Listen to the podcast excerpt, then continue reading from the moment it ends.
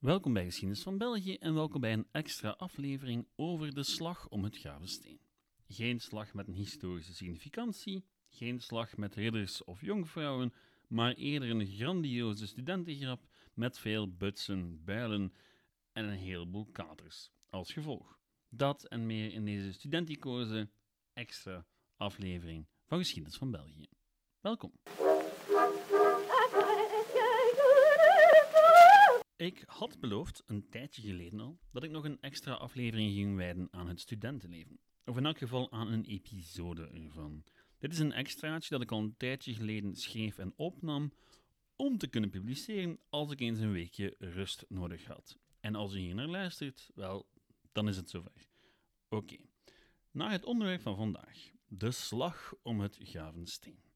Een slag waar u als u niet van Gent bent tenminste, waarschijnlijk nog nooit van gehoord hebt. Wel, ik ben van Gent, ik heb in Gent gestudeerd en ja, voor mij is het een verhaal waar ik absoluut gek van ben.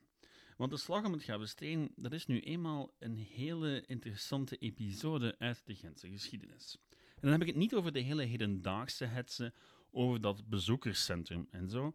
Nee, ik heb het over een slag die plaatsvond in 1949. Oké, niet bepaald middeleeuwse geschiedenis dus.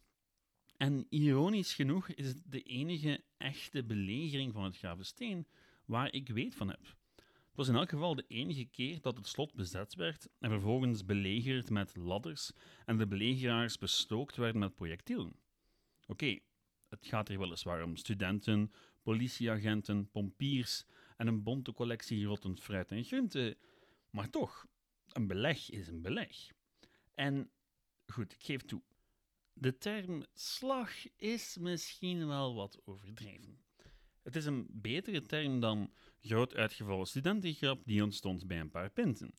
Wat ook de reden is dat ze nog altijd gebruikt wordt tot op de dag van vandaag. Maar ja, uiteindelijk begon het wel natuurlijk als een studentengrap. En in tegenstelling tot veel andere geniale ideeën die studenten opdoen bij pot en pint, bleek dit idee niet zo heel ver gezocht. Want in 1949 was Gent nog lang niet de bruisende studentenstad die ze vandaag is. Of zelfs voor de oorlog was. Niet onlogisch natuurlijk gezien de oorlog, maar de studenten verveelden zich eigenlijk in die periode. En uit die verveling kwam het plan voort om het Gavesteen te bezetten. Want dat Gavesteen ja, was op dat moment eigenlijk weinig meer dan een slecht bezocht museum met twee bewakers en enkele occasionele bezoekers.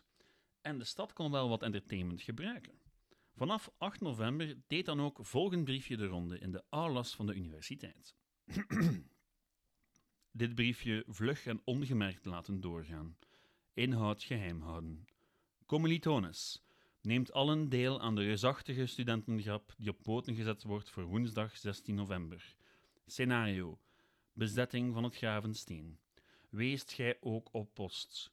Komt het Gravensteen binnen tussen 1450 en 1510. Alles is geregeld voor uw komst. Komt niet in groepen, bergt uw petten en blijft kalm en gedisciplineerd. Waarschijnlijk bierclub in het Gravensteen brengt ammunitie van alle slag, doch ongemerkt. Desnoods ook uw boterhammen. Einde tussen 18 en 19 uur. Wachtwoord: Uilenspiegel. Dit is het briefje dat rondging in de aulas op de Gentse Universiteit. Nu, de organisatoren gingen zelfs nog wat verder in hun voorbereidingen. Enkele kisten overrijp fruit werden aangeschaft en chemiestudenten gingen zowaar aan de slag om bommetjes te maken. Volgens de overlevering ging daar bijna een kot bij in vlammen op, maar gelukkig bleef de schade beperkt. Oké, op 16 november om 14 uur draaiden de poorten van het Gravensteen open. Dezelfde poorten als vandaag trouwens. En onder de eerste bezoekers zaten enkele Nederlandse toeristen en een eerste roedeltje studenten. In de drie kwartier die volgden, druppelden steeds meer studenten het gebouw binnen. En van zodra de hoeveelheid aanwezige studenten de argwaan van het personeel begon op te wekken, werd dat personeel met zachte hand achter slot en grendel gestoken. De toeristen werden buiten gezet en een stootkar met bier en ammunitie werd binnengehaald. waarop de deur terug dicht gaat met 138 studenten binnen. Waaronder trouwens één vrouw. En vervolgens gebeurde er helemaal niks. Urenlang. Tot de grote ontgoocheling van de studenten natuurlijk. In afwachting van de verwachte tegenstand begon men dan maar met het drankgelach en het ophangen van de thuisgemaakte spandoeken. Want ja, het was er wel een grote grap om de verveling wat te verdrijven, maar men had wel, ja, officiële doelen uitgevonden, die dan ook op de spandoeken stonden. Nu, wat waren dan de drogreden voor de hele actie? Wel, de bierprijs was recent omhoog gegaan en de politie had een nieuw hoofddeksel gekregen. Op zich geen probleem, maar dat nieuwe hoofddeksel maakte hen moeilijker te onderscheiden van de brandweer. Wat voor de studenten van die tijd om een of andere reden een groot probleem was. Want dan konden ze de politie niet meer herkennen van op een afstand. Ondertussen hadden enkele studenten ook al de pers op de hoogte gebracht en was in een café vlak tegenover het slot een camera geïnstalleerd om het hele gebeuren vast te leggen. De link naar enkele van die beelden vindt u in de descriptie van deze aflevering. Het is absoluut een aanrader om het te bekijken. Goed, alle voorbereidingen ten spijt was het om 20 na 3 nog heel erg rustig rond het kasteel. En de verwachte confrontatie met de ordendiensten bleef dan ook uit. Als er dan uiteindelijk toch twee agenten op de fiets kwamen aangereden, dan leken die het hele gebeuren gewoon voorbij te gaan rijden. Wat voorkomen werd door een welgemikte appel die een van de dienaren der wet wist te raken. Deze eiste vervolgens om de poort te openen, maar kreeg in de plaats een emmer vuil over zijn hoofd. En daarmee werd dan uiteindelijk het startschot gegeven van het beleg.